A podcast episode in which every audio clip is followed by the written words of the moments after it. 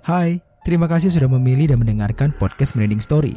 Saya Doni, akan menemani kamu dengan cerita-cerita horor pilihan atau cerita-cerita unik yang akan selalu membuat kamu merinding. Saya akan menceritakan itu semua buat kamu tentu saja dengan cara dan gaya khas saya sendiri.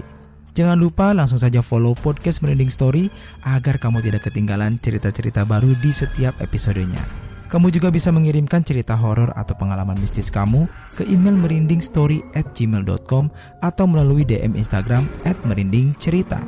Buat kamu yang ingin mendukung untuk perkembangan podcast ini, maka kamu bisa mensupportnya melalui Saweria yang tertera di kolom deskripsi. Terima kasih.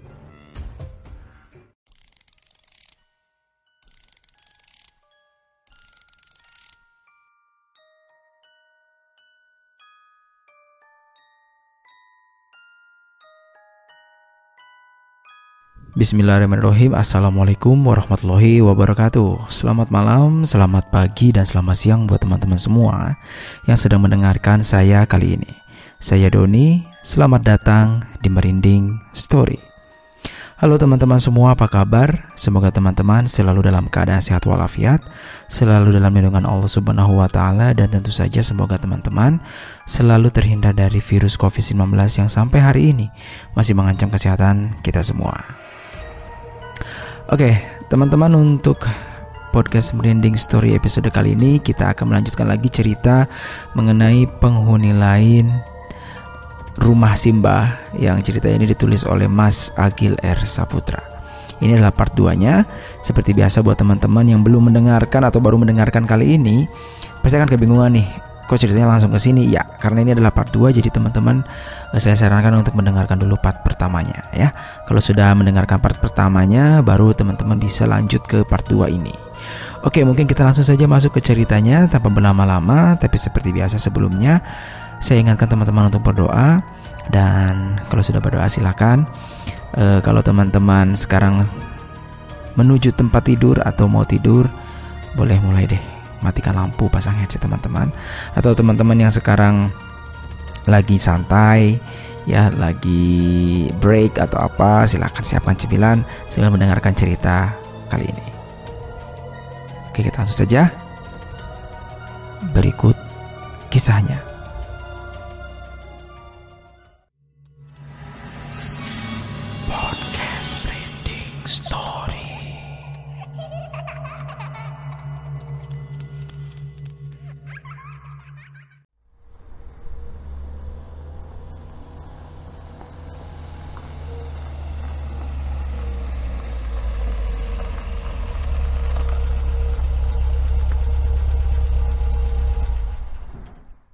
Sampai mana ini bang? Oh, iki wis sampai. Dah, sekarang kamu turun, letakin barang-barang, terus mandi. Habis itu, kita nyusul Simbah ke panti rapi ya. Kata Bagas menjelaskan. Di sini Mira yang panik mendengar itu, segera menurunkan barang-barangnya dan langsung kembali ke mobil tanpa mandi. Nampaknya ia mempunyai perasaan yang tak enak kali ini. Ayo mas gas, berangkat ke panti rapi. Eh, Santai Mir. Simba itu sudah sering kayak gini. Paling gak sampai mondok kok. Nanti juga pulang lagi. Kan tahu sendiri Simba ndak suka bawa rumah sakit. Kata Bagas sembari masuk ke mobil. Wes Pokoknya berangkat mas. Kata Mira memaksa. Mereka pun berangkat menuju rumah sakit Sementara langit terlihat mulai terang. Jalan pun semakin ramai karena aktivitas manusia di pagi hari Membuat mereka terpaksa berjalan agak lambat Singkat cerita, sampailah mereka di rumah sakit. Mira terlihat menyeret tangan kakak sepupunya. Di mana sih Mbak Mas? Tanya Mira yang perasaannya mulai tak enak. Akhirnya ditunjukkanlah kamar Simbah yang bersyukurnya waktu itu masih dalam keadaan sadar walau nafasnya terengah-engah. Mira segera mendekat dan memegang tangan Simbah yang matanya sedikit terpecah. Simbah, ini Mira, udah sampai Mbah kata Mira dengan halus. Simbah pun tampak merespon dengan membuka sedikit matanya. Walah, butuh wedok sing ayo dewe. Jawab Simbah dengan nada terbata. Di sini Mira tak menjawab. Ia malah fokus dengan peralatan medis yang berada di sekitar dekat Simbah terbaring. Namun, seketika Mira terhentak karena tiba-tiba Simbah mengalami kejang. Ia yang panik langsung berlari keluar memanggil Pak D dan Bagas sepupunya untuk memberitahukan hal ini. Pak D sigap memanggil perawat yang berjaga. Simbah pun mulai ditangani oleh beberapa suster yang juga terlihat panik warawiri hingga akhirnya dokter pendatang dan tak selang beberapa lama Simbah menghembuskan nafas terakhirnya.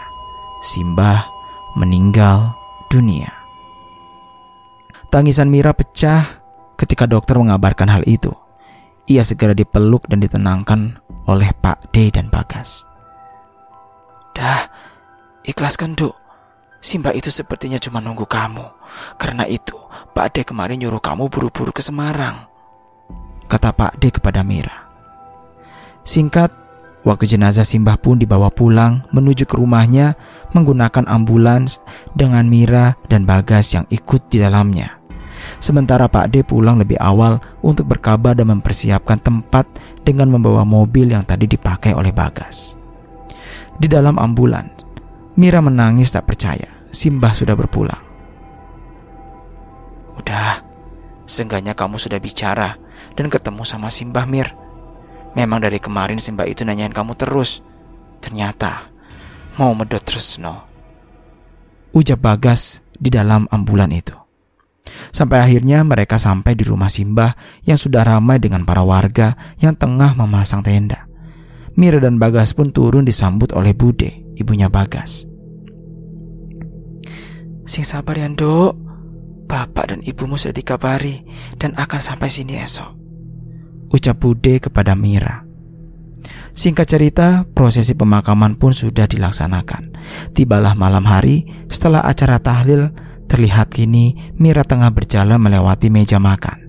Entah kenapa ia membuka tudung saji Dan kini Mira tampak keheranan Melihat sayur asem dan bandeng presto Yang sepertinya ini masakan kemarin Seketika ia teringat akan mimpi itu yang rasanya begitu nyata Apakah itu mimpi perpisahan dari Simba? Batin Mira seraya berjalan menuju pekarangan belakang rumah dan duduk di sana. Ia tampak melamun tak peduli dengan riuh ramai para saudara dan kerabatnya yang tengah berada di ruangan depan. Waktu itu mungkin sekitar jam 10 malam, Mira mengambil buku-buku resep masakan di bawah meja dan mulai melihatnya dari lembar per lembar. Simba ini memang gemar memasak. Batinnya seraya menghela nafas panjang setelah menyadari beliau sudah tiada.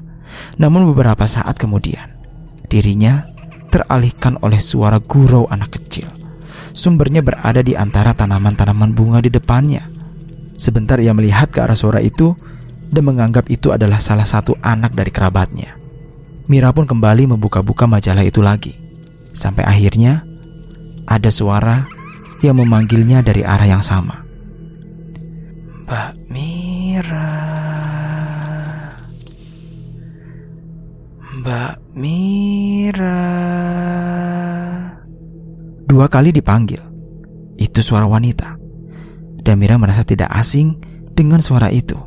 Akan tetapi, ia tak mengenalinya. Dalam? Jawab Mira seraya mendekat dan melihat ke arah suara itu berasal. Ia tidak melihat apa-apa selain kegelapan karena memang pekarangan bunga itu tak dilengkapi dengan penerangan. Siapa ya? Kata Mira kembali. Dan tiba-tiba Mbak Mira. Betapa kagetnya. Suara itu kini berpindah di sampingnya. Ia yang secara spontan menengok seketika tercengang ketika ia melihat Simba yang sudah duduk di sebuah kursi yang berada di sampingnya itu. Tak hanya itu, karena di samping kanan dan kiri Simba juga berdiri dua sosok, yaitu satu anak laki-laki kecil dan seorang wanita yang kira-kira hampir seumuran dengannya. Pandangan Mira masih tertuju hingga akhirnya terdengar lagi suara. Mbak Mira. Yang ternyata keluar dari salah satu sosok, yaitu wanita yang berada di samping simbanya yang duduk tersenyum. Kaki Mira seakan lemas dan memaksanya untuk ikut duduk di kursi yang tadi sempat menjadi tempat ia duduk. Perasaannya benar tak bisa digambarkan. Ia mulai memejamkan mata dan memalingkan pandangannya dan di sini sosok Simbah pun seperti mendekat. Terdengar dengan jelas di telinga Mira suara dari kerenyitan kursi yang bergeser. Tubuh Mira gemetar, namun ia tak kuasa untuk bergerak atau berteriak. Dan tiba-tiba muncul suara yang membisikkannya. Yang Mira yakini adalah suara dari Simbah yang sudah meninggal pagi tadi. Suaranya ini sangat dekat. Bahkan, Mira bisa merasakan nafas yang meniup telinganya. Di sini Simba berkata, Jangan bilang siapa-siapa ya, Dok. Kalau Simba masih di sini. Kata sosok mendiang Simbah membisik di telinga Mira.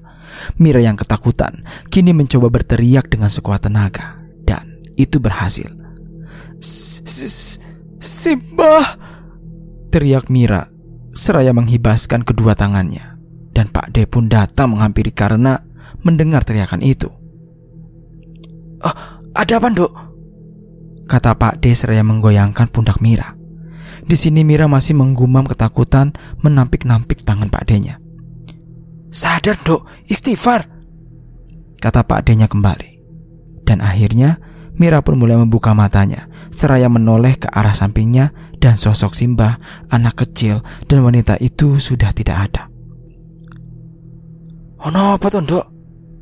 Tanya Pak D-nya. Simbah, Pak D. Simbah. Jawab Mira dengan nada terbata. Mira pun dibawa masuk ke dalam rumah untuk ditenangkan. Keringat dingin mulai bercucuran di tubuh Mira dan seketika ia mengalami demam. Kerabatnya nampak bingung kenapa Mira ini.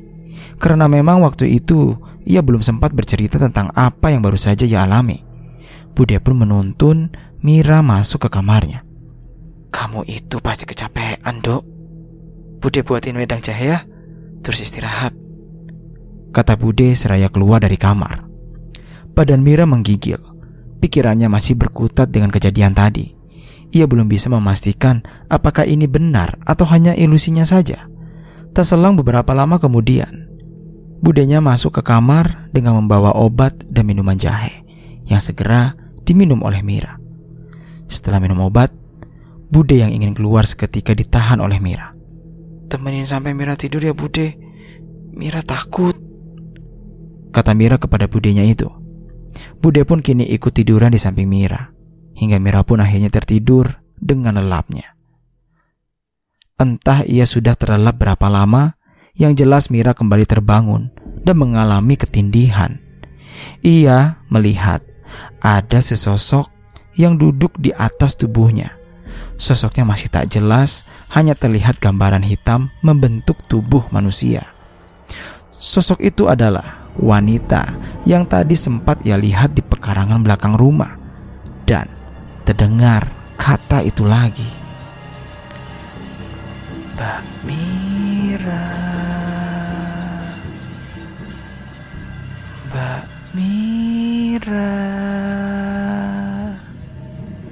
Dan disusul dengan kemunculan Simbah yang menyeret sosok itu dari atas tubuh Mira.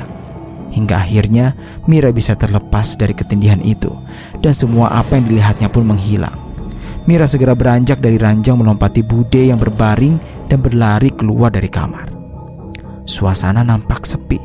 Hanya terlihat beberapa kerabatnya yang tengah tertidur beralaskan tikar. Mira menoleh ke jam dinding yang menunjukkan pukul 2.30 dini hari. Ia pun mulai berjalan menyusuri ruangan berharap masih ada orang yang terjaga. Dan tibalah Mira di ruang tamu. Ia melihat ke arah jendela. Ada siluet. Beberapa orang yang sepertinya tengah mengobrol di teras. Batin Mira sangat lega melihat itu.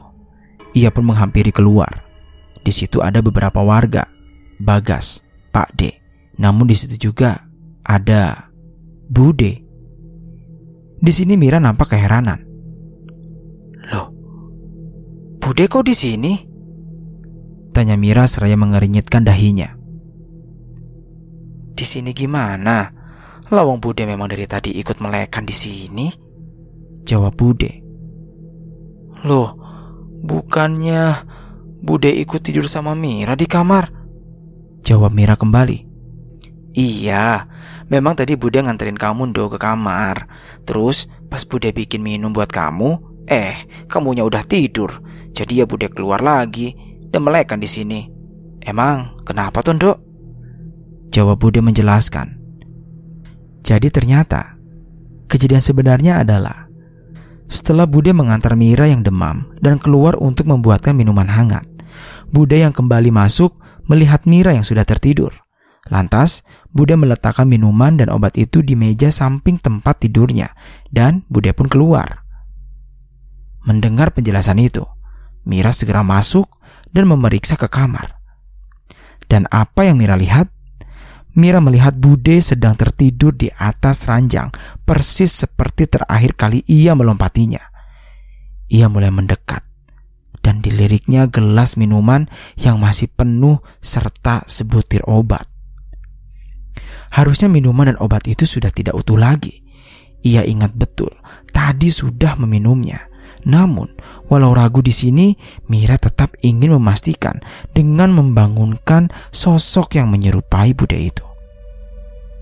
Bude, Bude bangun, kata Mira yang jantungnya sudah berdegup dengan kencang dan sosok mirip Bude yang posisi tidurnya membelakangi Mira itu pun bangun dan perlahan menoleh ke arah Mira.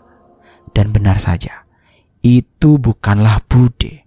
Itu adalah sosok wanita yang tadi, yaitu wanita yang sudah Mira lihat berkali-kali di satu malam itu. Sosok wanita itu tak berkata apa-apa. Ia hanya tersenyum dan mengisyaratkan Mira untuk diam. Di sini Mira yang kaget langsung teriak sekencang mungkin dan berlari keluar menuju teras. Ia berbicara dengan orang yang berada di sana, yaitu Pak D, Bude, Bagas, dan beberapa warga. Uh, ada set, ada setan, ada setan di kamar, di kamar ada setan. Kata Mira yang terlihat sangat ketakutan. Akhirnya, semua orang di situ pun masuk ke dalam untuk memeriksanya kecuali Bude yang terlihat menenangkan Mira. Namun setelah diperiksa, ternyata tidak ditemukan siapa-siapa di dalam kamar itu. Sementara di teras depan, Mira menceritakan apa yang terjadi kepada Bude, termasuk kejadian di pekarangan belakang rumah dan kejadian mimpi sebelum Mira datang ke rumah Simbah ini. Perihal mimpi, Mira yakin itu bukanlah mimpi biasa, karena sosok hantu yang mengganggunya dalam mimpi itu sama dengan hantu yang Mira lihat tadi. Tak selang beberapa lama, Pak D, Bagas, dan beberapa warga pun keluar. Disusul dengan para saudara-saudara Mira yang hampir semuanya terbangun karena kehebohan ini. Mereka berkumpul di ruang tengah, sementara para warga mulai berpamitan pulang satu persatu. Tinggallah Mira, Bagas, Pak D, Bude, dan beberapa kerabatnya di situ yang mulai saling bertanya, "Ada apa sih sebenarnya?" Namun, tiba-tiba muncul suara yang entah dari mana asalnya. Yang jelas, suara itu bukan berasal dari orang-orang yang berada di situ. Suara itu diawali dengan geraman dan disusul dengan kata. Wes, turu. Turu. Mereka yang tadinya sempat riuh, seketika semua terdiam dan saling pandang, seakan saling berbicara. Apa kalian dengar juga? Dan tak selang beberapa lama muncul lagi suara itu Yang kurang lebih mengatakan hal yang sama Wes, Dan kepanikan pun terjadi ada yang teriak, ada pula yang menangis. Semua orang yang terjaga malam itu mendengar dengan jelas. Suara laki-laki yang berat dan dalam menyuruh mereka semua untuk tidur. Kejadian ini pun membuat seisi rumah terjaga hingga matahari terbit. Singkat cerita, paginya Mira kembali demam. Ia jelas syok dengan berbagai kejadian-kejadian ini. Tapi tak begitu dengan Pak D dan saudara-saudara Mira lainnya yang kebanyakan sudah tahu akan kejahilan penunggu rumah Simbah. Hanya saja, semalam mereka menganggap kejadian ini adalah kejadian yang paling ekstrim. Singkat waktu sekitar pukul 11 siang, Ayah dan ibu Mira pun datang sampai di rumah Simba. Tangisan kembali pecah, terutama ayah Mira yang tak sempat mengantar ibunya atau Simba masuk ke liang lahat. Harusnya bisa ditunggu sampai ayah Mira datang, tapi sudah menjadi adat yang tak bisa dilanggar di desa itu yang pantang menunda penguburan lebih dari tujuh jam. Karena konon, bila melebihi batas waktu atau melanggar, akan ada nyawa lagi yang menyusul. Entah itu hanya kebetulan yang berulang, yang jelas itulah yang terjadi. Singkat cerita, hari pun berlalu, sempat tak ada kejadian lagi. Mira pun sedikit melupakan hal itu, hanya saja ia kini tak pernah mau ditinggal sendirian. Dan tiba di suatu malam, tepatnya tujuh hari setelah meninggalnya Simba. Malam itu, Mira yang sempat tertidur harus bangun karena lapar. Ia yang tadinya takut memutuskan untuk keluar dari kamar, setelah mendengar suara radio dan ayahnya yang masih mengobrol dengan Pak D di ruang tamu. Waktu itu mungkin sekitar jam 11 atau 12 malam. Meski ruang tamu berada jauh di depan, mendengar masih ada orang yang terjaga, Mira pun menjadi agak berani. Ia berjalan menuju meja makan dan duduk di sana. Mira mulai mengambil nasi dan makan di situ tanpa pemikiran apa pun. Sesekali ia mengambil sayur lagi dan makan dengan cukup lahap. Sampai perasaannya menyadari ada sosok yang tiba-tiba duduk memenuhi tiga kursi di depan meja makan. Ketika Mira menunduk dan hendak menyuap nasi, di sini perasaannya mulai tak enak. Tapi Mira tak berani mengadahkan kepalanya ketika telinganya masih mendengar Pak D dan ayahnya yang masih mengobrol di ruang tamu. Tangannya gemetar memegang sendok yang sudah dipenuhi nasi. Namun di sisi lain, ia juga penasaran siapa sosok-sosok yang duduk satu meja dengannya itu. Mira berdoa dalam hati dan mulai mengumpulkan keberanian untuk menongakkan kepalanya. Dan dengan nekat, Mira perlahan menengadahkan kepalanya sambil berkata, Allahu Akbar. Dan apa yang Mira lihat? Di situ ada tiga sosok yang tengah memandang Mira sambil tersenyum. Sosok itu adalah anak kecil, wanita itu lagi, dan sosok pria hitam kekar. Mira sempat memandangi ketiga sosok itu satu persatu sampai akhirnya ia kembali menurunkan kepalanya dan berlari menuju kamar. Sambil berteriak, dan tak selang beberapa lama, sang ayah yang mendengar teriakan Mira pun menghampiri serta menenangkannya. Untung malam itu adalah malam terakhir Mira menginap di rumah Simba karena memang rencananya Mira, ayah dan ibunya akan kembali lagi ke Jakarta setelah tujuh hariannya Simba. Esoknya, Mira pun pulang ke Jakarta membawa pengalaman yang tak pernah ia lupakan. Terlepas dari semua keseraman rumah Simba ini, Mira tak pernah kapok untuk kembali ke sana. Karena di setiap tahunnya atau saat lebaran, Mira dan keluarganya akan kembali ke rumah Simba, berkumpul dengan keluarga besarnya, menginap dan pulang kembali dengan membawa pengalaman.